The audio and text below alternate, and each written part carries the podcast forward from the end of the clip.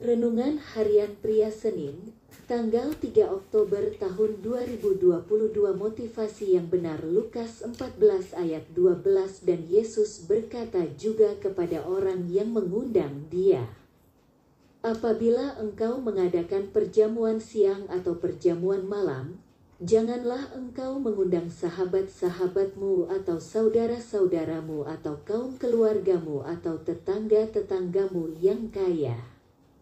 Karena mereka akan membalasnya dengan mengundang engkau pula dan dengan demikian engkau mendapat balasnya.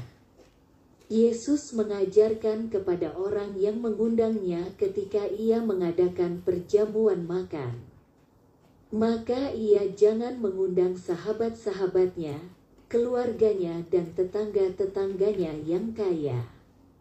Tetapi ia harus mengundang orang-orang yang tidak dapat membalasnya, yaitu orang-orang miskin, orang-orang cacat, orang-orang lumpuh, dan orang-orang buta.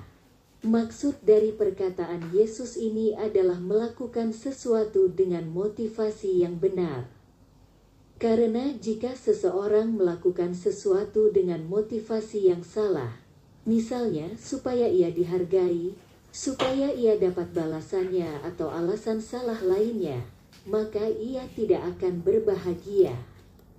Ia tidak akan menerima upah dari Bapa, tetapi upah dari manusia. Pengajaran Yesus ini juga berlaku bagi orang-orang percaya pada sekarang ini juga, termasuk Anda dan saya. Kita harus melakukan sesuatu dengan motivasi yang benar.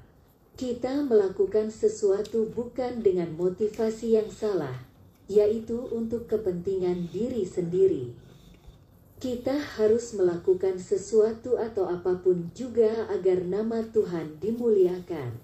Kita belajar, kita bekerja, kita melayani keluarga atau orang-orang lain, kita melayani pekerjaan Tuhan atau apa pun juga. Maka kita harus melakukannya bukan untuk diri sendiri, tetapi untuk kepentingan Tuhan. Ketika kita melakukan sesuatu dengan motivasi yang salah, maka kita sudah menerima upahnya dari manusia. Tetapi ketika kita melakukan sesuatu dengan motivasi yang benar, maka kita akan menerima upah dari Bapa di sorga. Dan kita disebut sebagai orang-orang yang berbahagia. Refleksi diri, apa yang firman Tuhan katakan kepada Anda? Bagaimana kehidupan Anda dengan firman Tuhan itu? Catat komitmen Anda terhadap firman Tuhan itu Doakan komitmen Anda itu, pengakuan iman.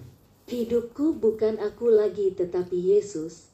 Apa pun yang aku lakukan bukan untukku tetapi semuanya untuk Tuhan.